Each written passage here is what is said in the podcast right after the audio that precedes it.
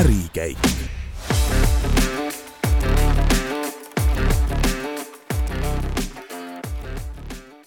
tere, head Ärikäigu kuulajad! tänane saade on järjekorras kolmekümne esimene ja juttu tuleb pikemalt reklaamiseadusest, mida Majandus- ja Kommunikatsiooniministeeriumi eestvõttel muutma on hakatud eelmisel aastal käisid mitu korda koos huvigrupid.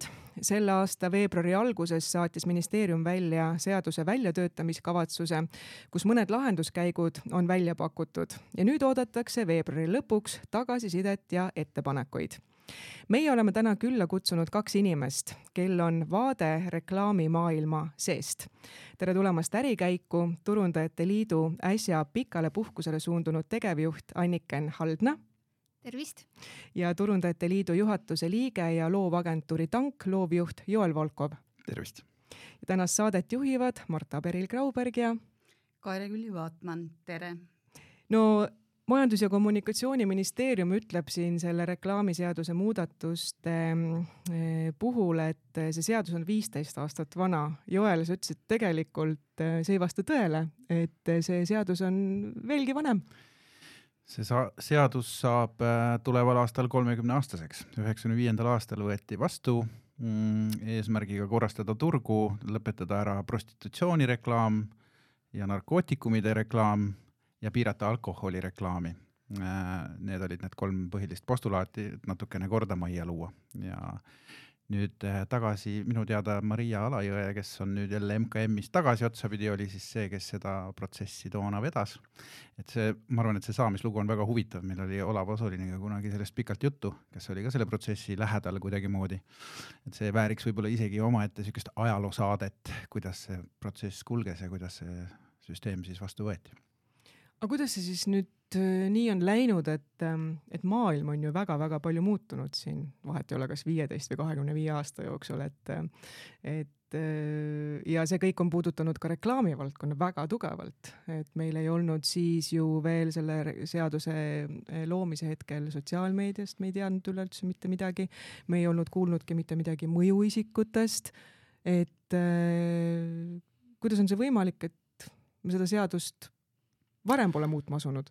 no internettigi polnud veel niimoodi kõigile vabalt kättesaadav, eks ju. et esimesed emailid hakkasid liikuma kusagil üheksakümmend neli, ma pakun. ja sinna ka tuli ka siis sisse helistada, et seda emaili saada.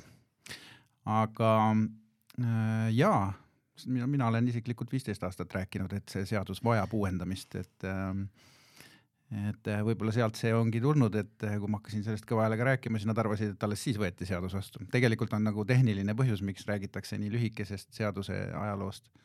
et siis tehti interneti arhiveerimise koht, kuhu Riigi Teataja infot sai kõik üles panna, väga paljud seadused muideks äh, on hakanud kehtima justkui kahe tuhande viiendast aastast. tegelikult on nad juba palju varem nii-öelda valmis sepi-, sepitsetud, aga reklaamiseadus jah, ta ei ole põhi, põhiline seadus, ta ei ole esimese järgu seadus ta reguleerib ühte väikest valdkonda ja tavaliselt need seadused on niisugused prügikastid, kuhu siis visatakse igasuguseid huvitavaid mõtteid aeg-ajalt, aga neid seaduseid endeid millegipärast ei taheta liiga lihtsalt muuta. aga samas äh, reklaami tegijad ja kõik need, kes selles valdkonnas tegutsevad, ikkagi peavad ju lähtuma sellest, mis parasjagu kehtib, et äh, kuidas siis nagu selles olukorras on toimetatud, kui ühelt poolt on maailm nii palju muutunud, teiselt poolt regulatsioon tegeleb mingi eelmise ajaga, Anniken? Äh, võib-olla eelmise ajaga alati otseselt mitte, aga väga segaselt on äh, see seadus nüüd välja kujunenud, et äh, tegijate jaoks, et on vaja kirjutada väga palju juhendeid ja väga palju juhendeid on juba kirjutatud, Joel on ka sellega nagu kaasatud olnud, et, et selleks, et seadust mõista, tegelikult ei peaks olema, ei peaks noh, see seadus vajama nii palju juhendeid, kui reklaamiseadus peaaegu vajab. et, et see on ainus, kuidas turg on saanud hakkama üldse selle seadusega, on see, et meil on need juhendid, et on need võimalik natukene siis avada, aga, aga muidugi jah, see ei ole jätkusuutlik, mistõttu meie, meie hääl on nagu Turundajate Liidus kõlanud kogu aeg, et on vaja täielikult see seadus ümber teha, vaadata, analüüsida, kas üldse kõik nii peab detailselt seal seaduses olema või saab osa sellest liigutada äh, eneseregulatsiooni või koosregulatsiooni, nagu meie seda nimetame, selle mehhanismi peale et, äh, et kõik ei pea olema seaduses kirjas, mis puudutab reklaami tegemist. miks üldse peab seda reklaamivaldkonda reguleerima seaduse tasemel, Joel? seal on hästi mitmeid põhjuseid. üks põhjus on see, et eh, majanduses on terve rida valdkondi, kus on vanusepiirang näiteks või ligipääsupiirang. noh, olgu selleks siis äh, finantsteenused äh,, olgu selleks arstiteenused, olgu selleks äh, mingisugused alkohol või mõni muu tubakatooted.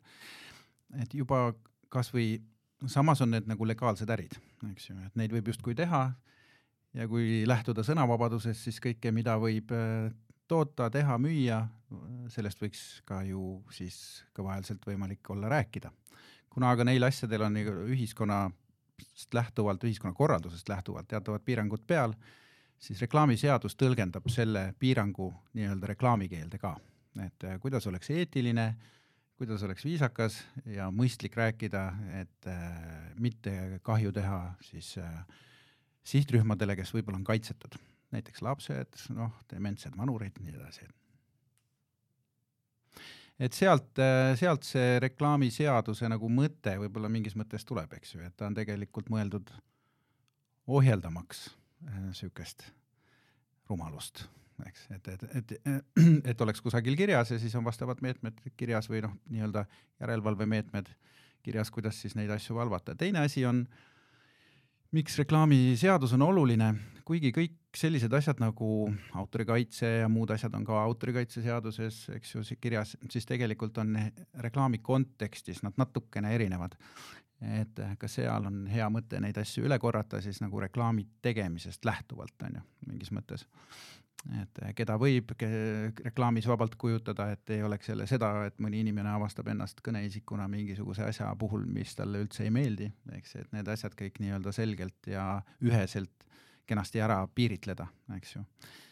Ja reklaami mõiste kui selline on ka väga tähtis, et reklaamiseadusest, kui me täna räägime, siis reklaami mõiste on tegelikult maailmas juba muutumas või nagu muutunud isegi, ütleme definitsiooni tasandil. et kui ta enne oli selgelt nii-öelda raha eest paigutatud või ka ilma rahata paigutatud asi meedias, siis täna on tekkinud olukord, kus äh, tehakse ka reklaami nii, et reklaami andja seda ei tea. ütleme digitaalsetes kanalites on igasuguseid huvitavaid mõjuisikuid, kes siis äh, nii-öelda reklaamivad üsna massiivselt tihtipeale asju, mis neile endale meeldivad, lootes, et see kunagi neile kasu toob või et neile meeldiv asi hakkab levima, noh võib-olla tarbekaupade puhul see on vähem levinud, aga ideoloogiate puhul on see väga levinud, eks, et äh, võtame maailma selle polariseerumise või praegu nii-öelda musta-valgeks äh, värvimise, kus hall toon ei ole, eks ju, siis keegi võtab positsiooni see ei pea olema poliitiline positsioon, see võib olla mingisugune võltsravi positsioon, noh, mis iganes, eks ju, viiruse positsioon, ravimite positsioon, hakkab seda levitama, tehes reklaami sellele asjale, mille taga on võib-olla mingisugused reaalsed äriettevõtted. et ka seda aspekti peab tegelikult nagu definitsioonis käsitlema sest et äh, kui selline asi on avastatud, et keegi teeb sellist reklaami, nii et seda pole tellitudki ei raha ega mitterahaliste vahenditega, siis tuleb selle vastu midagi ette võtta. täna seda teha ei saa.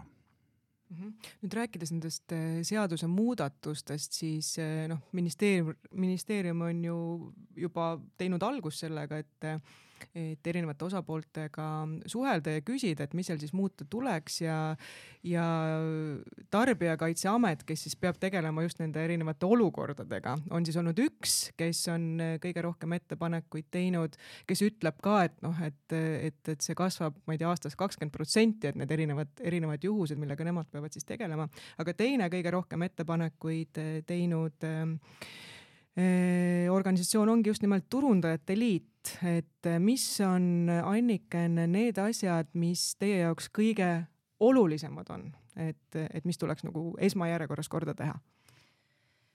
esmajärjekorras võiks see seadus olla selline, et seda on nagu lihtne mõista tavainimestel ka. ma saan aru, et võib-olla alati seadus äh, eesmärk ei ole olnud niimoodi, et sa loed seda ja, ja saad sellest ilusasti aru, et see seadus oleks selge inimesele, kes on töötanud siin kakskümmend aastat ja kes on töötanud siin kaks päeva ja hakkab oma esimest kampaaniat tegema. et see võiks olla nagu eesmärk, et, et, et oleks ühtlustatud, selge, need mõisted oleksid äh, korrastatud. see tähendab niimoodi, et kuskil mujal seadusandlusel ei ole teistmoodi defineeritud seda et äh, ja järgmine suurem eesmärk, mida, mille eest me oleme algusest peale seisnud, on nagu kanali neutraalsus. et äh, meie keegi siin laua taga ega ka ühiskonnas tervikuna ei tea, millest saab järgmine populaarne kanal, kus rekla reklaami tehakse. et äh, kas see on, ma ei tea, meie prillide sees, kus iganes, õhus, maal, merel millisel sotsiaalplatvormil, et kui me jookseme pidevalt seadusega järel ja üritame kirjutada sisse, et televisioonis tohib teha nii, raadios tohib teha nii, välimeedias tohib teha nii, sotsiaalmeedias tohib teha nii, mida seda veel ei olegi. et kuniks me selle kirja paneme ja selle nagu vastu võtame, siis tõenäosus, et on aegunud, on väga suur. mis tähendab, et äh, me tegelikult ei, ei suuda olla, käia ajaga kaasas ja, ja näiteks äh, tuua siia noh, seesama, mida te tõite välja, mõjuisikud, et need on defineerimata, aga ma räägiks veel ühest nagu tuleviku väga suurest probleemist, milleks on näiteks roheväited, et äh, väga paljud ettevõtted kasutavad äh, oma nii-öelda turunduses roheväiteid, jätkusuutlikkused, oleme kõige rohelisemad, teeme kõige rohelisemat, et nende väidete eest võiks ka vastutada ja see võiks reeglid paika panna, millal neid kasutada, miks kasutada. Et äh, tarbijad oleksid äh, teadlikud sellest, et hetkel meil puudub absoluutselt isegi selline mõiste ja teadmine ja, ja nagu arusaam, et me oleme juba nagu ajas maha jäänud, arvestades, et teistes Euroopa riikides on need reeglid palju paremini paika pandud ja tihtilugu selle paremini paikapanemise taga on see, et nad ei ole üldse seadusandluses, vaid ongi koos regulatsiooni või eneseregulatsiooni organisatsioonide käes, kus need asjad saavad liikuda agiilsemalt, kiiremini ja vastata nagu turuvajadustele. Jah, ühesõnaga ma omalt poolt lisaksin veel tõenduspõhisuse. Ehk siis nagu, kuidas ma ütlen, kui me, reklaam on majandus, eks majanduse osa, kapitalistliku ühiskonnakorralduse üks nendest nii-öelda pisikestest mootoritest, kus raha toob raha, eks üks euro äh, reklaamitegevusse toob SKP-sse erinevatel andmetel, eks seitse kuni üheksa eurot nii-öelda lisandväärtust. Läbi töökohtade, läbi palkade, maksude, no mil, läbi mille iganes teenud, teenud tasuta teenuste näiteks, eks ju. Noh, väga paljud Google'i teenused kõik on ju tasuta seetõttu, et on reklaam. ilma, ilma reklaamita me ju seda Gmaili kontot kasutada põhimõtteliselt ei saaks. aga portaale palju, aga nüüd, kui me hakkame nii-öelda meelevaldselt ja poliitiliselt keelama ja käskima asju lihtsalt tuju järgi, et keegi sõidab tööle ja näeb mingit liiki reklaami liiga palju tee ääres ja võtab selle siis kusagil nii-öelda poliitikute seltskonnas kõneks, eks, ja ütleb, et see tuleb kindlasti ära keelata, siis äh, see on emotsionaalne niisugune emotsioonide põhine nii-öelda juhtimine. nüüd äh, tal võib õigus olla, aga seda peab suutma tõendada. seda peab tõendama siis läbi uuringute ja teaduse, eks, et äh, ilma selleta midagi väita on väga raske, sest et iga sektor, mida siis kohitsetakse või keeratakse kinni, mõjutab majandust reaalselt ja selle konkurentsivõimet ja ettevõtlusvabadust väga selgelt ja sõnavabadust täpselt samamoodi. Ja sellel võib olla lõpuks päris suur ja kapitaalne mõju kasvõi geeniusmeediale, eks ju, et kes elab tõenäoliselt ka reklaamirahade eest, eks ju, mingis osas. et need asjad on kõik omavahel seotud ja neid asju ei tohiks teha nagu ülejala, et Anniken tõi välja selle koosregulatsiooni ja ma arvan, et see on väga hea, kus ütleme, kui seadus sedastab seda, et kohe kindlasti ei tohi näiteks lastele teatud liiki reklaami näidata siis koosregulatsiooni mehhanism või koodeks saab tegelikult selle täpsemaks lahti kirjutada, kuidas see täpselt käib. seal on küll kanalipõhisus kindlasti mainitud, aga koosregulatsiooni mehhanism ei ole seadus, seda ei pea kolm aastat või neli aastat muutma ja see ei sõltu poliitilisest motivatsioonist, vaid reaalelust. tuleb uus kanal TikTok asendub mingisuguse Bigbokiga ja ongi korras, eks me saame seda kohe öelda, kuna seal on kõik väga teistmoodi, eks ju, et kuidas siis, kas see kanal üldse tuleb kõne alla või mis tingimustel ta tuleb. nii et ma arvan, et äh, need on väga tähtsad äh, nii-öelda aspektid nagu niisugusel katustasandil, eks ju, millest me räägime üldse, kui me räägime reklaamiseaduse muutmisest. kuidas on üldse äh, reklaamikanalite rõhuasetused muutunud? mis on praegult number üks? no see on selles mõttes hea küsimus, et siis, kui Äh, tuli kino kunagi oma kahekümnenda sajandi alguses, siis öeldi, et no selge, teater on surnud, onju. Siis kui tuli televisioon, siis öeldi, kes enam kinno läheb, eks. samas me käime teatris rohkem kui kunagi varem, vahime kinost filme ja vahime telekat ka. ega me inimestena üle viie tuhande sõnumi päevas noh, naljalt ikkagi tarbida ei saa, eks me siis peame seal oma valikuid tegema. selge on see, et digitaalmeedia on nii tugevasti peale tunginud, aga digitaalmeedia ei ole üks homogeenne asi ta ei ole väli, eks ju, ta on nagu palju pisikesi punkte selles suures nii-öelda nähtuses ja seal sees toimub ka suur rida vahetusi, igasuguseid erinevaid, eks ju, ja seal on väga palju handover'it kuhugi nii-öelda äh, reaaltelevisiooni ja tagasi, eks ju, staare genereeritakse ikkagi telekas tänapäeval, aga nad tulevad ja teevad oma nii-öelda jutumärkides lüpsitöö kusagil digitaalses meedias. nii et noh, seal on palju niisuguseid nii-öelda sidususi, nii et äh, ühest vastust sinu küsimusele äh, kindlasti ei ole, aga digitaalse asjanduse osakaal on väga palju tõusnud. kui me võtame Eesti, siis traditsiooniline meedia, mis nagu Eestisse jääb enam-vähem koos ma nimetaksin ka portaale, digitaalseid portaale täna juba traditsiooniliseks meediaks, kuigi ta kunagi oli uus meedia, eks ju. siis äh, see on umbes sada viiskümmend miljonit, mis Eestis äh, nii-öelda ringleb selles business'is reklaami kontekstis meediaostuna. nüüd teine sada viiskümmend miljonit arvatavasti on pime, ehk siis see läheb kõik välja, see läheb ühtegi maksu maksmata Google'ile ja Metale valdavalt, eks ju, Metale primaarselt, aga Google'ile ka päris palju mis tähendab seda, et meil puudub täna igasugune kontroll ja see on ka üks aspekt, mida tegelikult kogu regulatiivne üleskorraldus peaks arvesse võtma. ega neid metasid ja Google'id vähemaks ei jää kohe,, kohe-kohe on ka TikTok ametlikult nii-öelda siin, juba täna ta on mingis osas. aga kui ta tuleb, ta kasvab hästi kiiresti, igal pool on ta võtnud hästi ruttu üle nii-öelda meta osad platvormid nagu Instagram ja ka Facebook tegelikult suures osas ja kõik lapsed on kolinud põhimõtteliselt, no nüüd nad juba kolivad sealt välja, aga nad noh, mingil hetkel nad kolisid kõik sinna sisse, sest et see integraal, mille alusel see toimib, on nagu hästi nutikas. ja sinna läheb kogu meie mm, Eesti meedia raha, on ju.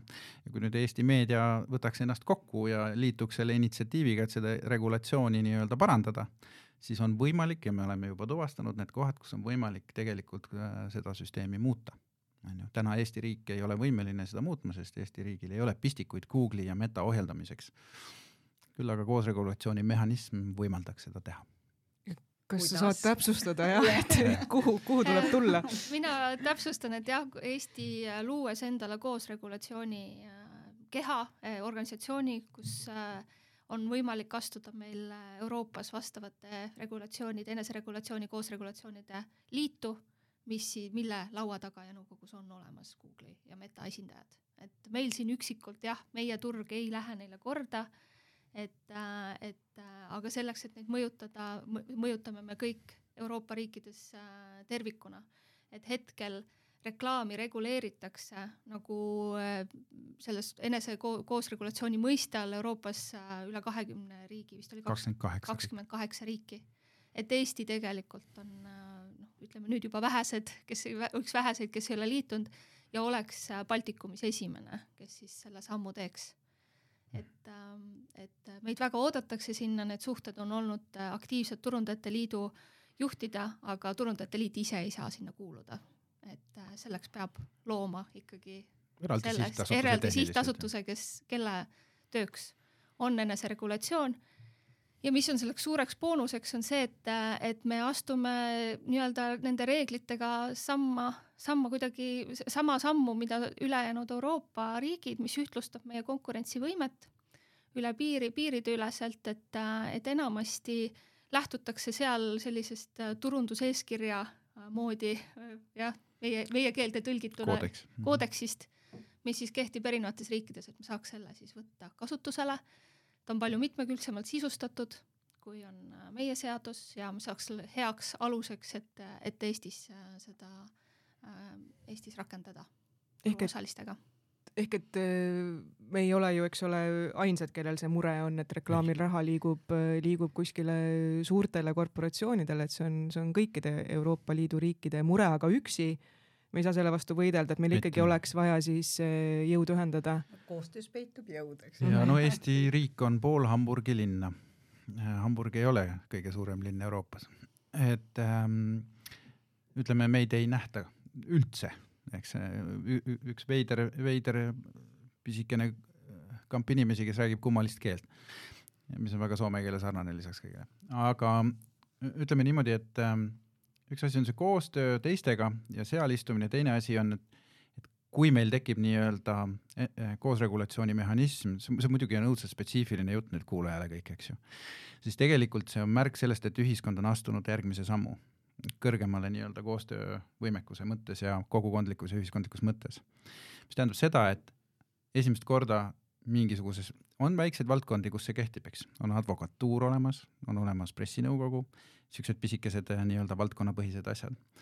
nüüd äh, reklaam on natuke laiem mõiste, ta läheb natuke üleselt või horisontaalselt läbi erinevate valdkondade äh,. turundus laiemalt, eks ju see on nagu konkurentsieelise tegemine, noh, ühesõnaga kogu, kogu see pool nii-öelda majanduse, majanduse pool. mis tähendab, et kui see valdkond nüüd astub esimese suure valdkonnana küll nähtamatu, aga suure valdkonnana järgmise sammu, siis see tähendab, et ühiskond on edasi arenenud ja sellise ühiskonnaga on võimalik koostööd teha. me muidu oleme niisuguses esimeses arenguastmes ühis, kapitalistliku ühiskonnana, kus on ainult käsud või jaga ja valitse printsiip. eks kui me nüüd liigume äh, sinnapoole, siis me muutume demokraatlikuks ühiskonnaks, kus on olemas päriselt ka sõnavabadus, eks ju, kõikide konventsioonide järgi.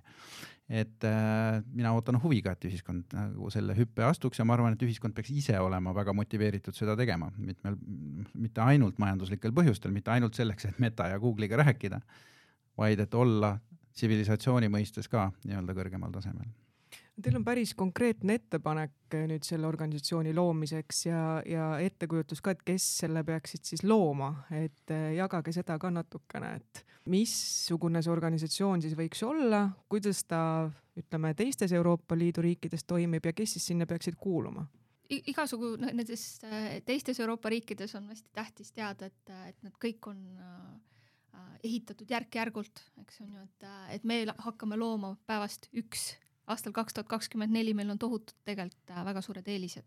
õppida teiste vigadest, õppida sellest, miks kellelgi on võtnud väga kaua aega, oma eneseregulatsiooni organisatsiooni ülespanemine, hispaanlased, ma tean, naisterahvas kakskümmend aastat, sellest kümme oli ta kahekesi ja nüüd neid on seal sada kakskümmend, eks on ju, et, et on palju õppetunde ja selliseid äh, väärtuslikku sisendit, aga et meie hinnangul hetkel äh, ma arvan, on hästi tähtis märkida, et meie jaoks on tähtis, et esindatud oleksid turuosalised ja turuosalisteks me peame siis äh, tõesti äh, seda, kes tellib, seda, kes avaldab, seda, kes teeb, tarbijat, tarbijakaitse ja teadus.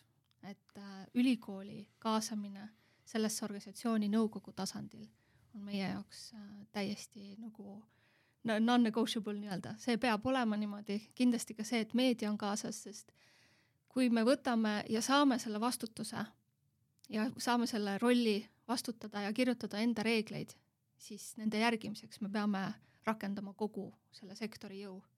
ja see sektor koosneb äh, nendest osapooltest, keda ma just mainisin. ja meedia on ka väga tähtis seetõttu, et äh, alati leidub äh, reeglitest möödaminejaid aga kus kohas nad äh, mööda lähevad, on ikkagi meedia. Ja kui nüüd meedia ise ei ole selles asjas äh, nii-öelda sees ja ei usu nendesse väärtustesse või ei ole osaline nendes väärtustes, võib-olla ta isegi usub, aga ei ole osaline, siis tal puudub moraalne kohus nii-öelda takistada rikkumisi, onju ehk et siis, kui keegi väike, mis iganes, ma ei tea, tubakatööstur või dünamiiditööstur, ütleme niimoodi, viies nagu jututeema veidi kaugemale, eks ju, rahva tervisest, et äh, dünamiiditööstur otsustab hakata ostma Ekspressi esikaant, siis äh, põhimõtteliselt, kui Ekspress on äh, siis kogu meediagrupina nii-öelda liige, eks ju, selles koos regulatsioonisüsteemis või selles sihtasutuses, siis tal on igakülgne õigus ja ka kohustus öelda dünamiidi tootjale, et kallis sõber, dünamiidi reklaamimine on Eestis keelatud, onju, et ära seda palun tee. Ja, ja see kehtib ka märksa peenemate ja keerulisemate skeemide puhul, kus nad nii-öelda saavad seda öelda, ehk siis me nimetame meediat gatekeeperiteks. ja kui gatekeeperid on sees, siis on ka, ütleme, väravaalune puhas, on ju, üldiselt. Aga jah, Tallinna Ülikool on meil kindlasti täna partner, väga hea. Ja kes on ka avaldanud ise nii-öelda usku sellesse ideesse juba tegelikult äh, Tiina Hiob on juba aastaid rääkinud, et see eneseregulatsioon on ainuke viis, kuidas nii-öelda ühiskonda parandada.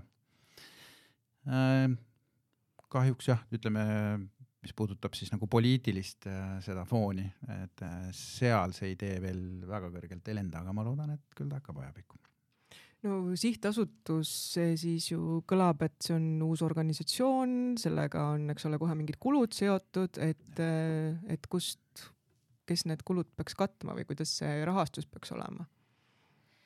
rahastusmudelite osas taaskord on Euroopa väga mitmekülgne, et, et kuidas en enamasti lahendatakse seda ikkagi nagu liikmetasudena ja siis liikmetasudel on mingid teatud proportsioonid ja, ja on selline üks mitte küll kontinentaal-Euroopas asuv, aga UK-s asuv süsteem, kus lihtsalt ongi nii-öelda maks ja, ja sellest maksust äh, rahastatakse organisatsiooni. Et äh, ja, ja on siis ka erinevad koostöölepingud, pakutakse erinevaid teenuseid, näiteks seesama nõustamise teenus või et vaatame selle rekla-, reklaami üle, enne kui te selle ülesse panete või siis äh, ma ei tea, kaebuste menetlemine, mingid, mingeid muid äh, viise siis, kuidas rahastatakse seda organisatsiooni, et see, milline saab olema lõplik mudel, selle kindlasti noh, meie siin Turundajate Liidu esindajatena ei dikteeri, et see on täpselt see roll, mille siis võtaks nõukogu ja asutajad enda peale mm. -hmm no tasub jah mainimist, et Turundajate Liit küll ajab seda initsiatiivi, aga see ei ole tur Turundajate Liidu äri, vaid Turundajate Liit loodab olla üks nii-öelda partner selles suures neutraalses lõpptulemusena täiesti mõjutamisvälises organisatsioon, neutraalses organisatsioonis mm. -hmm. et see vahekohus, kes seal tegutseb äh, ja reeglite tegijad, kes seal tegutsevad, ei ole keegi kusagilt nii-öelda tellija poole pealt, eks, et nad on kõik nii-öelda sõltumatud, väga kõrgel tasemel äh, juriidiliste teadmiste, eetiliste teadmiste ja muude asjadega, kes võivad lasta ennast konsulteerida erinevatel turuosalistel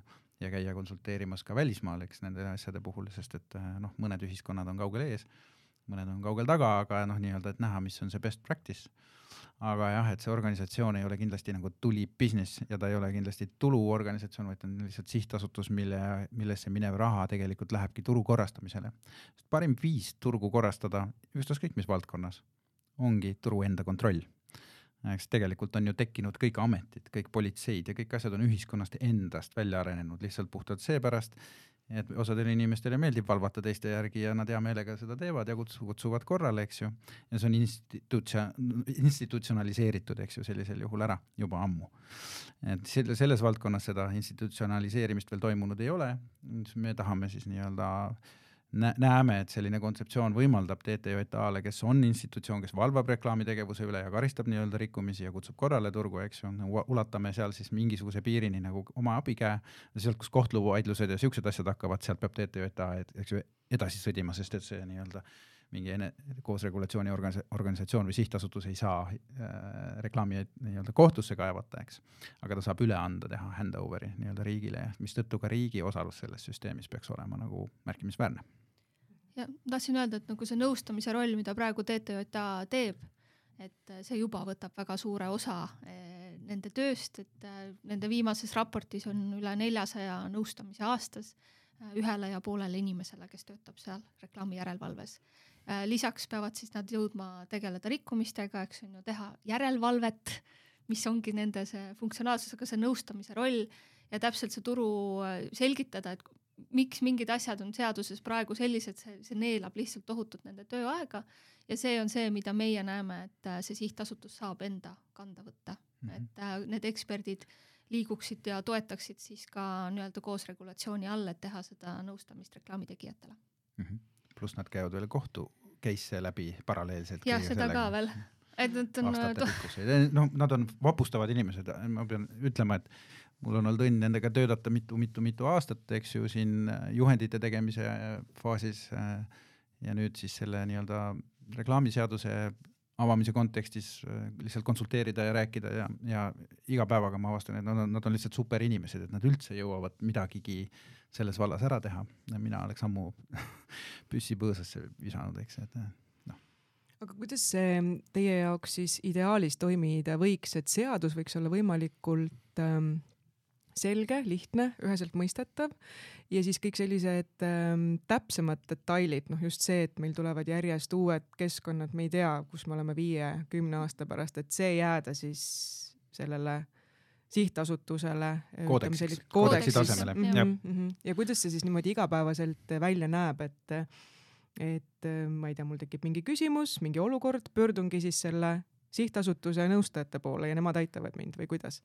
Ma arvan, et kõigepealt äh, tuleks luua üks selline võrratu äh, arusaadav leht, kus on ilusasti kirjas, et äh, koodeksi äh, rakendamine tähendab, et meil on võimalik äh, nagu sellest juristide keelest astuda välja ja kirjutada niimoodi, et inimesed saavad aru.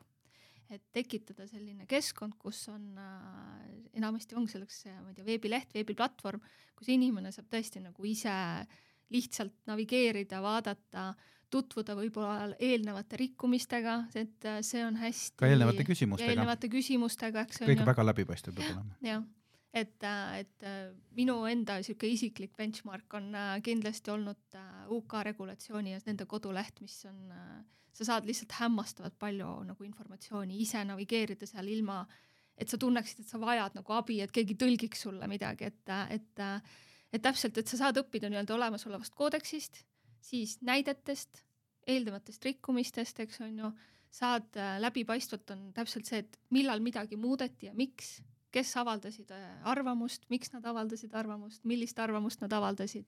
et, äh, et sellise mehhanismi nagu loomine, mida hetkel ei ole, on ju, aitaks meil seda turgu harida ja, ja korrastada. et, et see on see iga... peaks tegema selle lihtsasse keelde nagu rohujuure tasandil, kes on siis need inimesed, sest juristid panevad ju meil ikkagi ju seadust paika on ju ja nemad kirjutavad äh, oma äh, juristi keeles, et mhm. kes siis selle ära telgib? no hea uudis on see, et äh, on see koodeks mingil kujul juba maailmas mitukümmend, võib-olla isegi kolmkümmend või nelikümmend aastat kehtinud, eks ju, rahvusvaheline kommertskoda, ICC sellega on tegelenud süsteemselt ja neil on väga hea koodeks, väga hea põhi, mis areneb iga paari aasta tagant, nad seda täiendavad.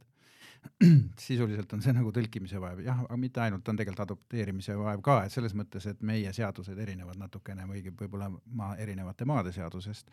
et see kõik tuleb harmoniseerida, pluss on Euroopa Komisjoni nõuded igasugused, mis äh, tuleb harmoniseerida sinna sisse, aga printsiibis on see keel välja mõeldud, kuidas see asi on, eks ju, ja seda siis nii-öelda meiepoolset versiooni seesama sihtasutus karjataks, et seal on siis nii-öelda oma nõukogu, kus on loodetavasti väga targad ja mitmekülgsed äh, mõtlejad. sõna osavad. sõna osavad kindlasti mm -hmm. ja mitte ainult sõna osavad, need, nad peavad olema ka nagu hästi kainelt nii-öelda loogilised ja, jah, ja et selles mõttes, et et mitte lasta ennast nagu ühele või teisele poole nagu ise kraavi sõidutada või kellelgi teisel, eks ju, mõjutada. et see nõukogu peab olema nii-öelda ekspertkomisjon, kes siis tegelikult on see, kes on see mootor või nagu see energiapomm seal keskel, mis siis nii-öelda genereerib seda asja. ja seda nõukogu muidugi mingi aja tagant vahetatakse, võetakse jälle nooremaid või vanemaid või teadjamaid või praktilisemaid inimesi. kas see siis tähendabki, et see nõukogul on mingisugune töötamisperiood neile ainult ja siis vahetub? ma arvan, et seal on me ei ole seda nii detaili, eks ju, oma, oma eeskirju kirjutanud mm. -hmm. aga ma arvan, et seal on mingisugune personaalne jah, mingisugune aeg, et, et tervet nõukogu ei saa keegi nii-öelda välja vahetada, aga ma arvan, et seal on mingisugune aeg, sest et tendents on see, et üldiselt ma panen ise tähele, et kui sa liiga kaua ühe asjaga tegeled, sa muutud natuke ignorantseks mingite asjade suhtes või nagu tunnetus või tundlikkus kaob ära.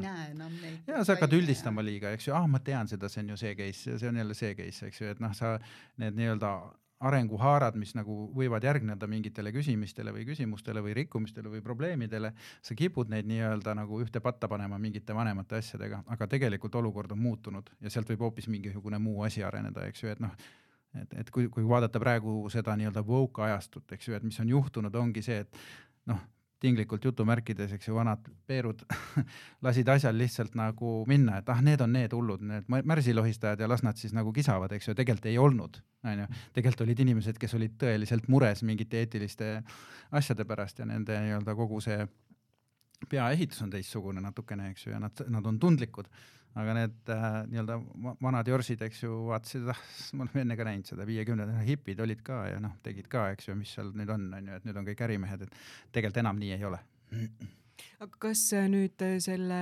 eneseregulatsiooni organisatsiooni loomine on realistlik, et see nüüd juhtubki, et äh, selle reklaamiseaduse muutmise käigus, et te näete, et see nagu tuleb ära või, või kuidas teil hetkel see tunnetus on? minu vastus on kindel jaa ma olen äh, nii-öelda sõbralikult äh, nagu naljatades öelnud, et, et äh, lasite mul jala nagu ukse vahele saada, et ega ma ära ei võta seda sealt enne.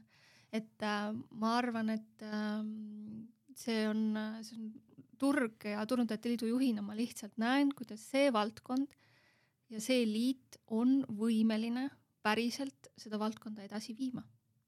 ja ma, kui ma sellesse ei usuks, siis ma ei oleks ka seda ettepanekut teinud, eks, et siis me jageleksime seal seaduses edasi, et et see on puhtalt minu viimase nelja aasta kogemus, kui äh, Turundajate Liit on kasvanud üle viiekümne protsendi viimase kahe aasta jooksul, et äh, see tähendab seda, et nad tahavad kuuluda kuhugi, mis organiseerib neid olema paremad ja tegema paremaid tööd mm. -hmm. ja, ja ERSA oleks järgmine samm sellesse. et Turundajate Liit kuuluks eneseregulatsiooni sihtasutusse, mis on Eesti Reklaami Sihtasutusse, eks on ju. et, äh, et äh, ma ei, ma ei teeks seda ettepanekut, kui ma ei usuks, et, äh, et see baas on juba väga hea ja jah. ideoloogiline baas on hea ja ma arvan, et ühiskond on üha rohkem valmis omalt poolt arvan ma nii, aga seal Eesti on päris väike, et äh, noh, ma naljaga pooleks ütlen, et noh, tegelikult see sõltub kahest inimesest. Äh, ühe meediagrupi omanik ja teise meediagrupi omanik, et kui nemad sellest mõttest aru saavad ja sellega kaasa tulevad, siis tegelikult on juba kaheksakümmend protsenti probleemist lahendatud. aga no elame-näeme, eks mõlemad on elus ja toredad inimesed ja ühte neist ma isegi tunnen. et et, et, et miks mitte nii-öelda nagu proovida. Aga seal tuleb lahendada terve rida küsimusi lihtsalt, eks praktilisi küsimusi, seesama, mis te küsisite, kuidas see asi on finantseeritud, et keegi ei taha ju noh, nii-öelda omast taskust seda kinni maksta, samas mis meil muud üle jääb, me peame seda omast taskust kinni maksma, eks.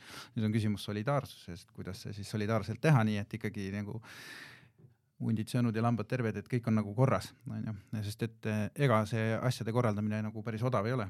Et me räägime siin väga kõrgelt kvalifitseeritud eetilistest inimestest, kes ei ole mõjutatavad, eks ju, et noh, nagu me räägime sisuliselt noh, prokuratuuri tasemest eh, inimestest ja, ja, ja sellest toimimispõhimõttest, eks ju, et nad peavad olema täiesti nii-öelda vaakumis nagu selles mõttes toimitama. Aga ma usun, et eh, ise vaadates, et ega midagi võimatut ju selles asjas mitte ühestki otsas nagu ei tohiks olla, et kui me vaatame, kuidas advokatuur on toiminud, eks ju, suurepäraselt, kus on ka inimesed palgal ja tegutsevad ja jälgivad seda kutse-eetikat väga hästi ja väga tähelepanelikult toimib ja advokaadid kõik rõõmsalt maksavad, eks ju, sinna nii-öelda oma taskust seda, seda raha, sest et nii on parem. kindlustusfirmadel on äh, samasugune asi on äh, kindlustusjuhtumite niisugune komisjon, ma ei mäleta, mis selle nimi täpselt on, igatahes on ka, kus kindlustusfirmad, enne oli see riigi käes kus siis äh, nii-öelda väga suured vaidlused käisid kogu aeg, et kui kellelgi õnnetus juhtus, siis sinna sai kaevata ja noh, et ühesõnaga riik ei suutnud reageerida, kindlustusfirmad saatsid siis riigi sealt, minema, sealt nii-öelda mm, tegevosapoolena võtsid ta passiivse osapoolena punti ja tegid ise selle nõukogu ja pärast seda paranes olukord ja kindlustusfirmad, kes olid ka skeptilised selle organisatsiooni loomise kontekstis, aga nad tegelikult täna on üliõnnelikud, et nad selle tegid, sest et kõik lahendused, vaidlused leiavad kohe lahenduse, onju.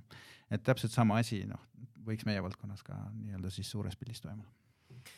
no reklaam tegelikult on ju väga loominguline valdkond, et, et kuidas nüüd reklaami tegijad ähm, hakkama saavad või kuidas see töötamine käib, et noh, et ütleme, et sul tuleb mingi mõte, on vaja mingisugune reklaam välja mõelda, äh, looming läheb tööle, aga teiselt poolt on ees need regulatsioonid, et kuidas te selle vahel laveerite? no mina praktiseeriva reklaamitegijana ütlen, et enamus reklaamitegijad ei mõtle kunagi seadusele. Ma arvan, et on päris mitu põlvkonda reklaamitegijaid, kes ei teagi, et reklaamiseadus on olemas. et enamasti vaatavad kliendid, need teavad, noh, mis neile on lubatud ja mis on keelatud ja nad brief ivad reklaamitegijaid nagu selles kontekstis. aga need, kellel on vaja seda teada, nad on täna ikkagi mm, päris suures plindris, eriti kui sa teenindad finantsorganisatsioone. see on kõige keerulisem osa reklaamiseadusest Äh, selle juhendi tegemiseks läks meil poolteist aastat ja me ei saanud lõpuni tegelikult, TTJA-ga istusime ja kratsisime pead, me ei saanud lõpuni täpselt aru osadest asjadest, mis seal väiksed nüansid olid. et noh, seal on alates nagu teenuste topoloogiast, mis on täiesti segamini, noh finants, Eestis on ainuke dokument, kus finantsteenuste topoloogia on õige, on äh, reklaamiseaduse finantsteenuste juhend. et äh, kui ta, kui tahta teha panka ja pangateenuseid hierarhiseerida, siis see on ainuke koht, kus on kõik teenused hierarhiseeritud õigesti, eks. kuidas teil see õnnestus? Äh, ma tegin, ma tegin tipp siukse doktoritöö sellega, et ma töötasin kolme pangaga korraga või, neljaga vist isegi.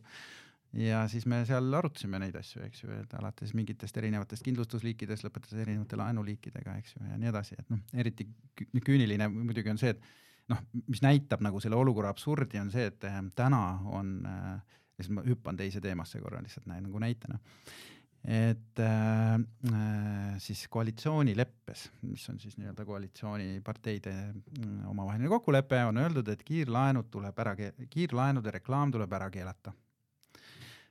ja kui sa võtad nagu pangateenuste tüüp, finantsteenuste topoloogia, siis niisugust asja nagu kiirlaen pole olemas, eks, et äh, on olemas tarbijakrediit ja tarbijakrediit on väga-väga lai mõiste kiirlaenuks muudab lihtsalt see, kui keegi turunduslikult ütleb, et ma annan kiiresti vastuse või no saada, saada SMS, eks see on lihtsalt nagu kanalipõhine niisugune noh, fantaasia, eks ju, keegi on lihtsalt ära brändinud selle asja. aga see, et nagu inimesed isegi nagu kõrgel poliitilisel tasemel, valitsustasandil ei tea, mis asi on äh,, millest koosneb finantsteenus, mis erinevad teenused seal sees on ja kui me räägime reklaami kontekstis, eks ju, kuidas me hakkame reguleerima midagi, mida ei ole olemas.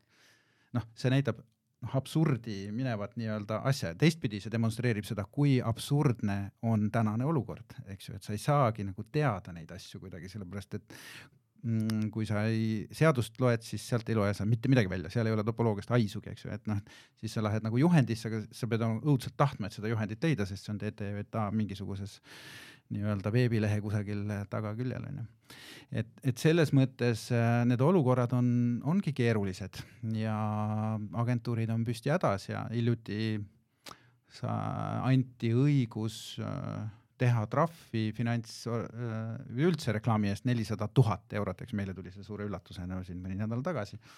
novembris kehtestati siis kunagi ammu Keskerakonna poolt siis kui nad valitsuses olid nii-öelda äh, suuremad trahvimäärad, et karistada finantsteenuste rikkumisi, eks noh, nii-öelda kommunikatsioonis ja üleüldse laias laastus. ja sellega seoses äh, tekkis hirmus huvi Finantsinspektsioonil kes on ka natuke kohustatud vaatama reklaame üle. Nagu, nagu finantsteenuse reklaam tehnilisest aspektist onju. Neil tekkis hirmus huvi hakata üldse vaatama igasuguseid reklaame, mis puudutavad nagu finantsteenuseid ja sealt tuli siis nii-öelda see tuleva case, eks ju. Mm.. ja see karistus tuli siis nii-öelda noh, see, see on vist tõenäoliselt vaidlustatud, ma arvan, eks ju, aga seal see eks nad saavad ise seda kommenteerida, see on muidugi väga huvitav case, ma arvan, ma soovitan seda ka nagu teie saatele käsitleda, kui te tahate reklaami ja üldse nagu õigusruumis üheneda, eks ju. sest see puudutab nagu tarbijat äh, nii-öelda üks Facebooki nii-öelda ruut, eks ju, ja selle eest saad sada tuhat äh, eurot trahvi, mis on äärmiselt ebaproportsionaalne, eks ju, arvestades äh, rikkumise väiksust või nagu seda, võib-olla seda nägi kümme inimest, onju et, et seal nagu see, see vaidlus on nagu hästi filosoofiliseks läinud, eks ju, et nüüd on see järelevalve, kusagil on Finantsinspektsioon, kes on nüüd motiveeritud rohkem vaatama nii-öelda, et teha suuremaid trahve, eks. kusagil on Tarbijakaitse, kes tehniliselt sellest sisust ei tea tegelikult suurt midagi, aga kes kontrollib seda nii-öelda vormilist õigsust, on ju ja siis äh, kes siis, kumb siis nüüd nagu trahvi võib teha, milliste seaduste alusel, sest et äh, Finantsinspektsioon vaatab nagu finantsseaduste alusel nagu neid asju, onju, mis viitavad ka reklaami äh, nii-öelda tegemisele. nii et nagu juba kasvõi ainult sellepärast oleks vaja nii-öelda seda kolmnurka tekitada kolmandat keha, kuhu siis Finantsinspektsioon ja TTJA saavad kokku tulla, kus siis nõukogu kehtestab nii-öelda korra ja selle läbirääkimise, ütleb, et sõbrad, arutame nüüd läbi, kas see päriselt oli eh, nagu mõjult nii suur, et, et oli vaja kahekümne viie protsendi ulatuses eh, maksimummäärast kehtestada rikkumist, on ju, ja TT, mida TTJA sellest nagu rikkumisest arvab, kas ta üldse noh, kas ta üldse nägi seda rikkumisena, eks, et. et noh, seal on nagu äh, noh, hästi palju asju, mis räägib nagu selle kasuks, aga kui me räägime inimesest, kes äh, nüüd reklaami teeb, siis jah, tagasi tulles küsimuse juurde, tavaline inimene, kes reklaami teeb, kui ta on agentuuri poole peal, üldiselt reklaamiseadusest mitte midagi ei tea. mismoodi on reklaam nende aastatega üldse muutunud? internet tulnud äh, lisaks, sotsiaalmeedia ai ja kas see ai, äh, milline osa on üldse näiteks, kas tank äh, kasutab ai-d oma reklaami tegemisel, sest reklaam, ai ju annab, tema kasutab kliendi väga personaalseid valikuid. Ja kui ta loob näiteks reklaami, siis see on nagu sõber soovitaks sulle. Mm., et kuidas tank ja teie või sina siis nagu mm. ai-sse suhtud ja kas sa kasutad seda? Mm, ai on äh, huvitav asi selles mõttes, et äh, eks ta toodi nii-öelda beeta korras andmeid koguma turule, et ta tegelikult nagu töövahendiks päris mõeldud ei ole, aga ta näeb üsna töövahendi moodi välja ja tal on tegelikult terve rida rakendusi tehtud. nüüd, kas me kasutame ai-d, muidugi me kasutame äh, kavandamisel, ütleme visuaalse töö puhul, sest et kõike kohe pildistada või lihtsalt joonistada ei ole otstarbekas, on ju, joonistamine võib-olla on liiga skemaatiline ja pildistamine liiga kallis, eks ju, et siis sa saad nii-öelda öelda nagu nende promptide kaudu sellele ajule, et ta siis nagu neid olukordi või situatsioone kuidagi lavastaks mulle nagu visuaalselt, et ma näen, kas mu idee üldse nagu lendab, onju. lõpuks me ikkagi lähme ja pildistame selle asja üle, et seda ai pilti me ei kasuta, seal on, seal on autoriõiguste probleemid, seal on terve rida nagu asju, mille pärast ai asju nagu tegelikult kasutada ei tohi. Äh, Euroopa Liit ja, või Euroopa Komisjon tegeleb selle teemaga, eks ju, päris aktiivselt praegu. Teine asi on kirjutamine, kes vähegi on kasutanud ai tekstigeneraatorit äh, ja mõttega üritanud nagu lahti mõtestada, mida nad sealt saavad, siis üheksakümne üheksal juhul juhtudest see ei ole kasutatav tekst, on ju, see ei ole inimtekst, see ei ole mõttega tekst, see on tehniliselt väga hästi fake itud tekst aga mis puudutab nüüd nagu ai süsteemide kasutamine inimeste eelistuste hindamiseks, siis Eestis on GDPR, me ei saa seda ühtegi sellist seadeldist, mis Ameerikas on võimalik või kolmandates riikides on võimalik, siis meil kasutada ei ole võimalik, kusjuures see on aga ainukene koht, kus ma näen, kus ai oleks päris hea tööriist, on ju, Euroopa Liit selle välistab, on ju. et selles mõttes äh, jah, me kasutame kavandamisel jah, me kasutame aeg-ajalt, kui on vaja hästi labast teksti lühikeseks teha. ja siis me ka kirjutame selle igal juhul üle, aga noh, ta võtab lihtsalt mingi keha sealt nagu ära. aga päris tööriista meil kindlasti ei ole. et mingit reklaamlauset ai veel ei suuda ei noh, terve rida on siin turul, eks ju, ja igal pool maailmas neid tegijaid, kes ütlevad, et äh, pane lihtsalt, kirjuta, mis sa tahad ja see sülitab välja, me oleme neid äppe kõiki katsetanud, me oleme neid esitlusmaterjalide, bännerite tegemise, ma ei tea, story'de tegemise, filmide edimise, kõiki neid tarkvarad oleme läbi käinud mm. -hmm. Need ei toimi. Need ei toimi, kui sa tahad eetiliselt ja sa tahad kvaliteetselt midagi teha, siis nagu seal ei ole loovust, esiteks, see on lihtsalt üks sihuke korralik niisugune mätsimine onju. ja teiseks ähm, ta, ta ei tee neid asju, mida on suure suuga lubatud. ja siinkohal ma tahtsin küsida, et kas, mismoodi on reklaami tegemine nagu muutunud, et varem oli reklaam ju info jagamine ja võib-olla uude toodete tutvustamine, aga tänapäeval see on kuidagi nagu loo jutustamine mm. -hmm ja et kas äh, näiteks reklaamimaailmas on samamoodi nagu on filmimaailmas, et on treileri treiler, kõigepealt on lühike viiesekundiline ja siis tuleb see üheminutiline äh, pikem treiler, et kuidas äh, see on muutunud reklaami no, tegemisel? Jah, noh, neid, neid nii-öelda teooriaid ja, ja metoodikaid, kuidas reklaami teha, neid on väga palju. kõik hakkab sellest, mis su strateegia on, eks. noh, me võiksime siit nagu üks kuus äh, saadet teha aga äh, jah, see sõltub sihtrühmast natukene, et kui minu vanust nagu kätte saada, siis tõenäoliselt tuleb teha kolmeminutiline teleklipp, eks ja ma vaatan selle suure huviga läbi ja elan kaasa ja tunnen ennast emotsionaalselt nii-öelda puudutatuna, eks ju. aga kui sa tahad näiteks minu last, kes on äh, siis üheksateistaastane äh, või siis teist last, kes on veel seitsmeteistaastane, kui sa tahad neid nagu kuidagi kõnetada, siis tõenäoliselt kolmeminutilise klipiga võid sa puu taha ronida, eks ju. et seal on mingisugune viis sekundit või kolm sekundit, mis nende see attention span on, eks ju ja see tähendab seda, et reklaami tegemine on muutunud nii, et kui meil on võimalikult lai sihtrühm, siis tegelikult sa teed igale siht, sihtrühmale omamoodi kampaaniad ühe kampaania sees. aga siis koht on ka erinev, et ongi, et ja kanalid on erinevad ja, ja seal ja. Instagramid ja välimeedia, eks ju, on üllatavalt äh, toimiv meedia, mis on nagu täiesti teinud tagasi tohutu äh, renessansi, ütleme nii, et äh, see on üks toimivamaid meediaid üldse praegu, sest et ta ei ole fragmenteeritud, ta jääb meile jalgu wow.. aga see on ainult Tallinnas ikkagi? no Tallinnas tegelikult äh, on päris palju ka regioonides ja väikestes linnades ja seal on inimesed veel see tuhat korda tänulikumad, et nende tänu, tänavad kaunistatakse eeldusel, et on ilus reklaam.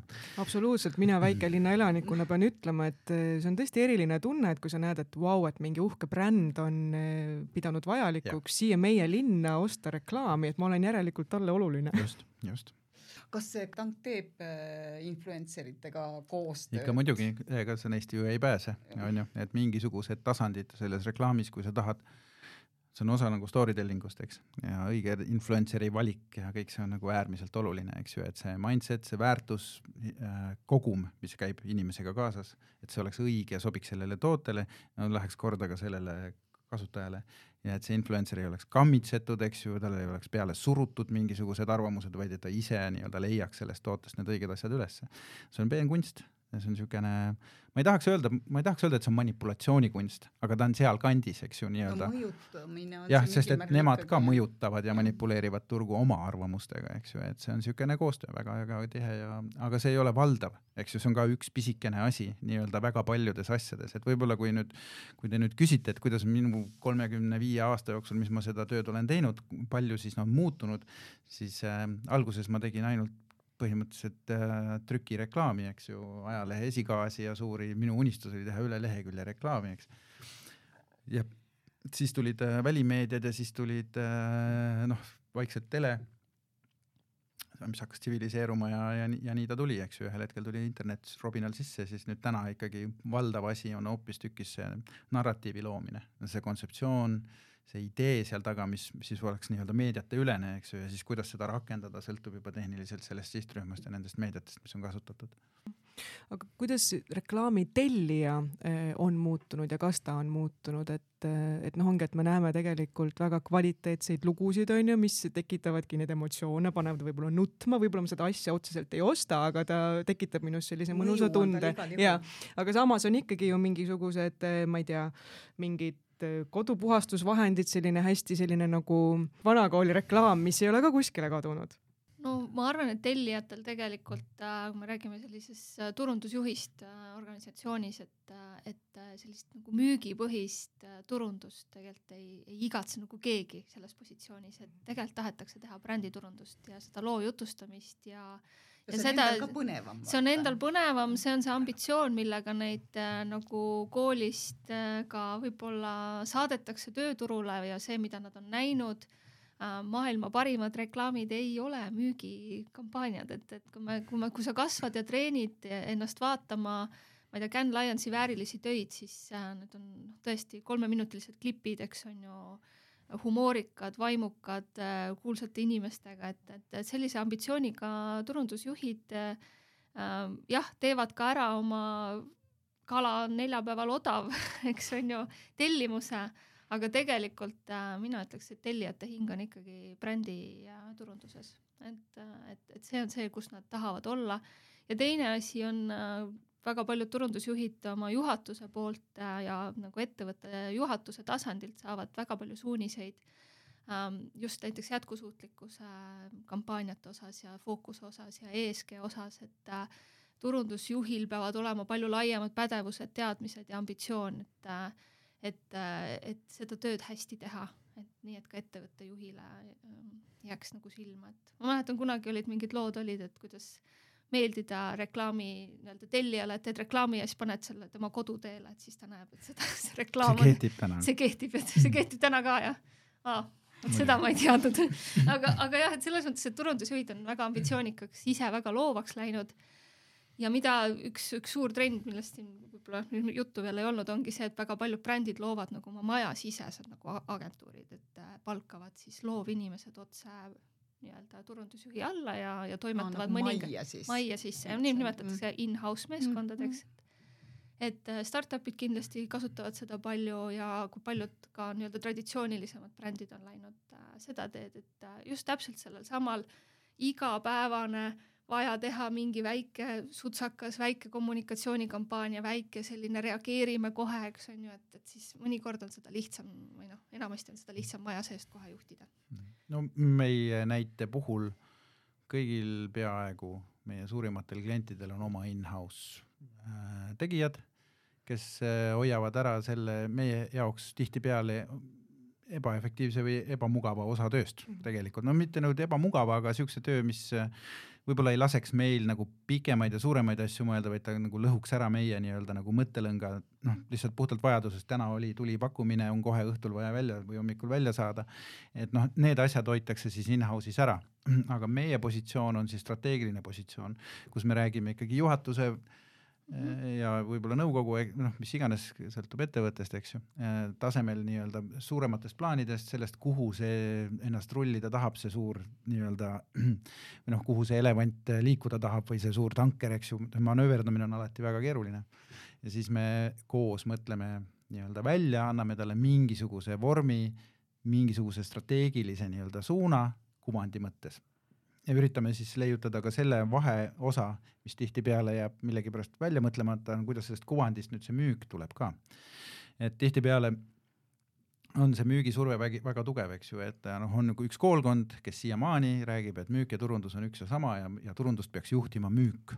on ju, see on niisugune Äripäeva doktriin, eks noh, mitte, ma ei ütle seda sugugi mõnitades, aga see on nagu nende nii-öelda lähtumine, see on niisugune ökonomeetriline lähenemine nüüd äh, nagu brände ei ehitata müügipõhiselt, eks ju, brände ikkagi ehitatakse äh, väärtuspõhiselt. Ja väärtuspõhine kommunikatsioon on märksa keerulisem kui lihtsalt mõõtmine, et seal on nagu semantilised aspektid, eks ju, käitumispsühholoogilised aspektid. Iha.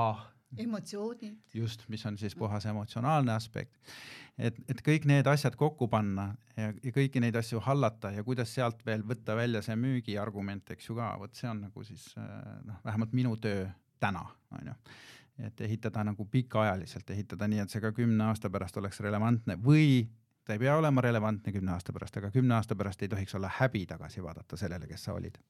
kas audiovisuaalsed reklaamid nende tegemine on väga kallis, kas seda teevad reklaami, kas teie näiteks Tank äh, teeb äh, ise in-house või tellib need mõnelt tootmisfirmalt? meie endale sisse eriteadmisi kunagi ei võta. Äh, meie eriteadmine ongi agregeerimisteadmine ja disain ja kirjutamine. aga kõik see, mis puudutab nüüd lahendamisi siis äh, nende jaoks on Eestis väga häid äh, tegijaid, keda kõiki saab rõõmsasti palgata erinevate asjade jaoks, igaüks on oma mingi asja jaoks hea ja meil peab see vabadus, meie kliendil peab see vabadus olema siis valida parimate talentide hulgast, mitte lihtsalt nende hulgast, kes me neile välja käime. Kas need talendid, kui räägime nagu aastate tagusest, siis võeti reklaamiagentuuri copywriter'iks keda iganes, kellel oli hea jutt, on ju töötud näitlejad, nagu te ise ühes intervjuus mm -hmm. ütlesid sa, siis kas nüüd on nagu äh, Tallinna Ülikooli reklaamiharidusega äh, copywriter'id ja reklaamitegijad?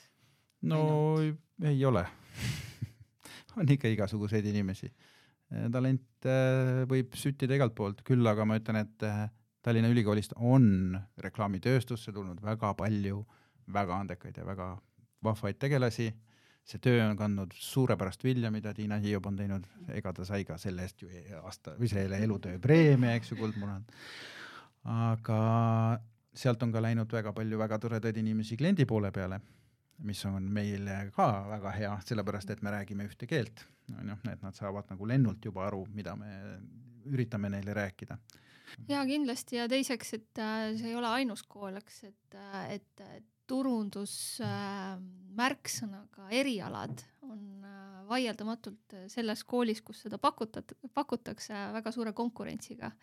et äh, see tähendab seda, et tudengitele see ala tundub huvitav, järjepidevalt enamasti küll ka siin nüüd seal sotsiaalmeedia kasvu tõttu, ähm, sotsiaalmeedia turunduse eriala majanduskoolis näiteks ülipopulaarne et taaskord, kui, kui sa jaksad ükskõik millises Eesti kõrg- või kõrgrakenduskoolis äh, seda õppida ja midagi sealt nagu kogeda ja, ja saada neid äh, teadmisi nii-öelda kooli tasandil, et see kindlasti rikastab meie valdkonda, et et äh, järelkasv on väga-väga rikkalik, me just pidasime siin praktikafoorumit, kus ettevõtjad siis meelitasid endale praktikante ja ja ma tean, et tung läks kohe ikka väga suureks, et ühele praktikakohale peaaegu viiskümmend soovijat, et kõige populaarsematel wow.. päris äge.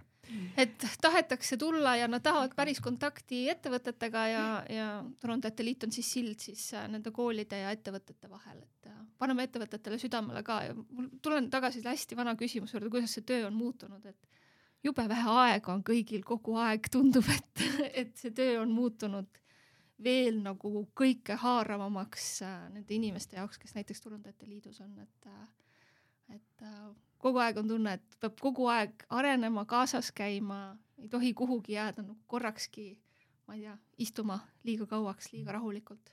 et äh, hõivatud ja töökad inimesed on seal. on, on.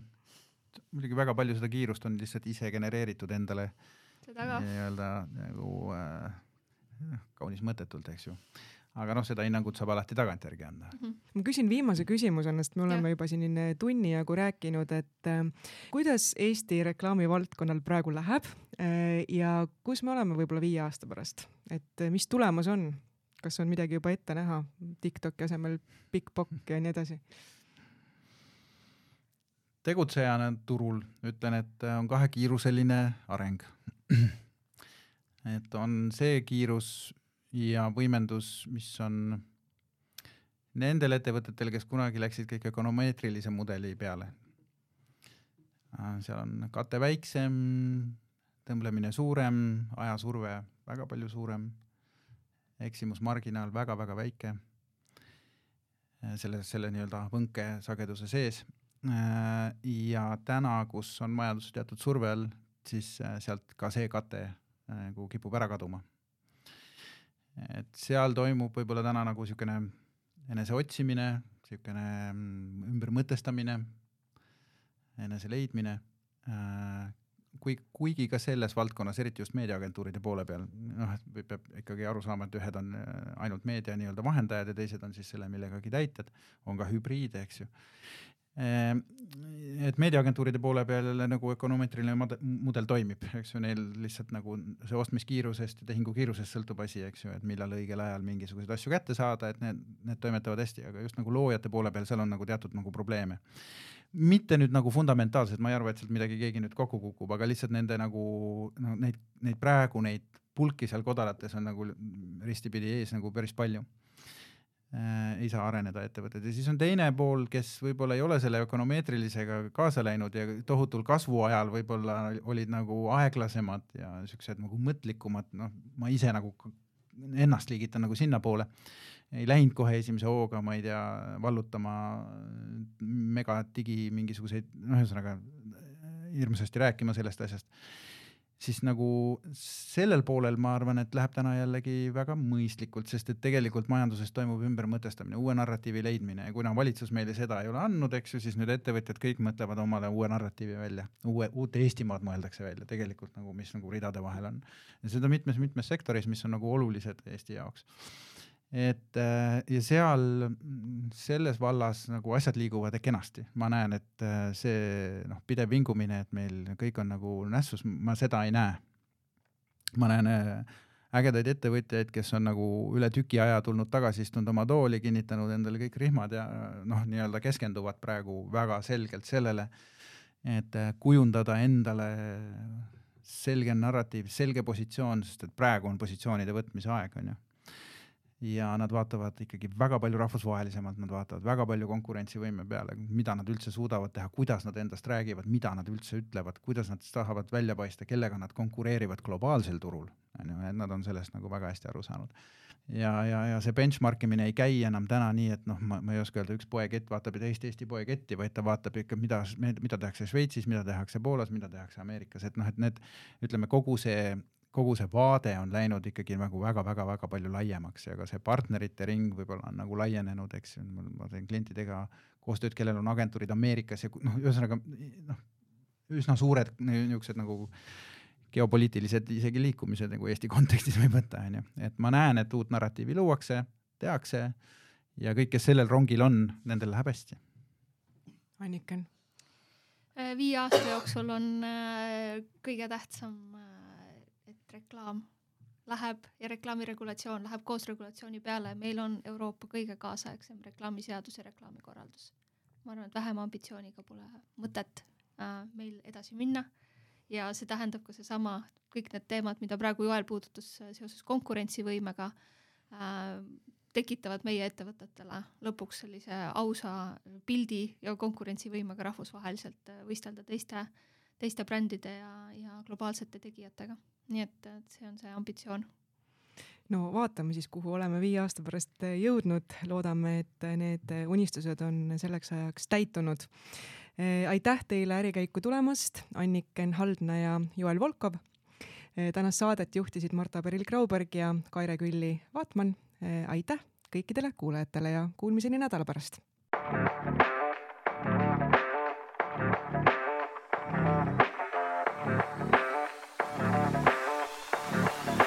Ärikäik